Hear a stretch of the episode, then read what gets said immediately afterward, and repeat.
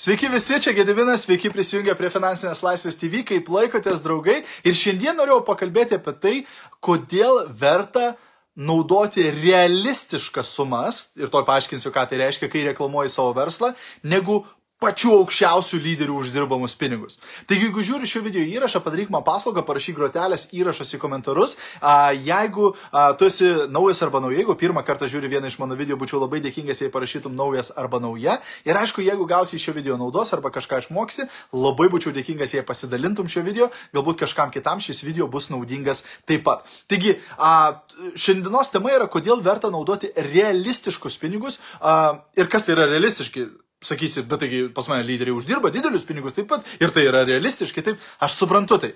Bet daugumai žmonių dideli pinigai yra nesuvokiami. Taip, pavyzdžiui, dažnai žmonės tinklinio marketingo industrijoje mėgsta reklamuoti top, top, top žmonių pajamas. Taip, ten dešimtis tūkstančių eurų per mėnesį arba šimtus tūkstančių eurų. Ir mes visi didžiuojame savo kompaniją, savo lyderiais, taip, kokie jie šaunuoliai ir kiek jie daug pasiekė.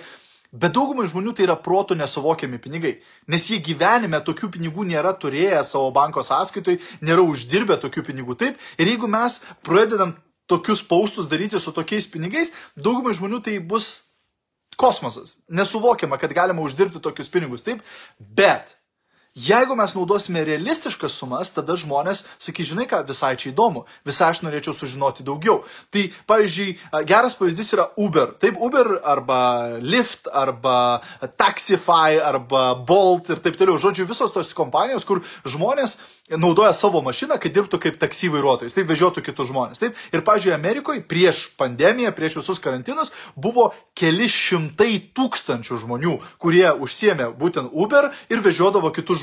Taip. Ir vidutinis Uber vairuotojas uždirba apie 300 dolerių per mėnesį. Taip, šimtai tūkstančių žmonių darė tai ir tiesiog, kad uždirbtų 2-300 dolerių per mėnesį, 2-300 eurų per mėnesį. Taip, reiškia, retas, kuris ten uždirba tūkstančiais. Taip, dauguma žmonių tiesiog dirba tam, kad užsidirbtų keli šimtus papildomai. Dėl to, kai tu reklamuoji savo tinklinio marketingo verslą, nieko nėra blogo, tiesiog reklamuoti, kad va, galimybė užsidirbti porą šimtų, tris šimtus per mėnesį papildomai. Ir tuo patikės kur kas didesnis kiekis žmonių, negu tu reklamuosi, kad galimybė uždirbti 140 tūkstančių per mėnesį eurų. Žinoma, kad tai įmanoma, aš suprantu, bet diduma žmonių tai nepatikės tokiais pinigais, nes jiem 10 metų reiktų, kad uždirbti tokius pinigus, o tu kalbi per mėnesį. Ir priežastis, dėl ko tai gali net atbaidyti žmonės, jeigu tu naudosi didelės sumas, nes dauguma žmonių nemasto kaip verslininkas, kad aš galiu per trumpesnį laiką uždirbti didesnį sumą pinigų. Jie taip nemasto. Dauguma žmonių masto kaip darbuotojas, o darbuotojas susiję pinigų sumą su praleidžiamų laikų uždirbti. Reiškia, jeigu tas žmogus dirba 40-50 valandų į savaitę, kad uždirbtų 2000 eurų savo pilno etato darbe per mėnesį, taip, ir tu jam pasakai, tu gali ateiti pas mane kompaniją ir užsidirbti 2000 eurų papildomai. Tam žmogui galvoje dabar 2000 eurų papildomai užsidirbti, reiškia, aš turėsiu dar 40-50 valandų per savaitę dirbti, nes aš tiek uždirbu savo pilno etato darbe.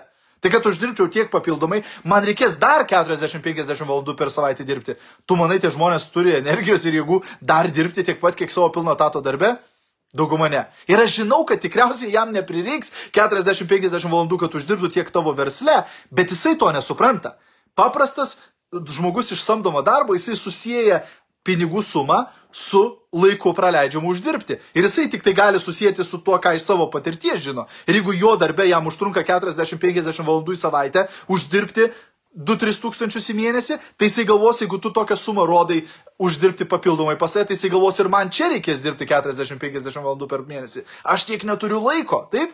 Dėl to, kai tu naudoji mažesnės sumas, žmogus negalvos, kad, a, man čia reikės dar vieną pilną etato darbą dirbti, taip? Jisai galvos, a, 200-300 per mėnesį, tai gal man užteks kokių 10 valandų per savaitę, taip? Reiškia, tokiu būdu mažiau atbaidom žmonės, kai mes nerodom tokių didelių pajamų ir neskelbiam tokių didelių pajamų. Tai va, toks patarimas šiandien, draugai, tikiuosi, kad buvo naudingas. Jeigu buvo naudingas, labai prašau pasidalink šio video video, galbūt kažkam kitam jis bus naudingas taip pat. Ir taip pat, draugai, kviečiu jūs į 7 dienų socialinės medijos iššūkį, kuris startuoja lapkričio 21 dieną. Liko vos 3 dienos įsigyti žemesnę Early Bird kainą, nuo pirmadienio ta kaina kils. Jeigu tu manai tau būtų naudinga arba tavo komandos nariams būtų naudinga, labai kviečiu a, pakviesti juos į šį 7 dienų iššūkį. Tai bus 7 dienos, 7 pamokos, kasdieninės užduotis, iššūkiai, a, prizai, a, gera nuotaika, įspirsiu tau iš šikną šiek tiek, kad išjudėtum iš vietos ir taip toliau. Taip bus, bus linksma, bus įdomu, bus daug naujos informacijos. Jeigu tu manai, kad tau būtų naudinga, kviečiu prisijungti, įdėsiu nuorodą į komentarus su visa informacija.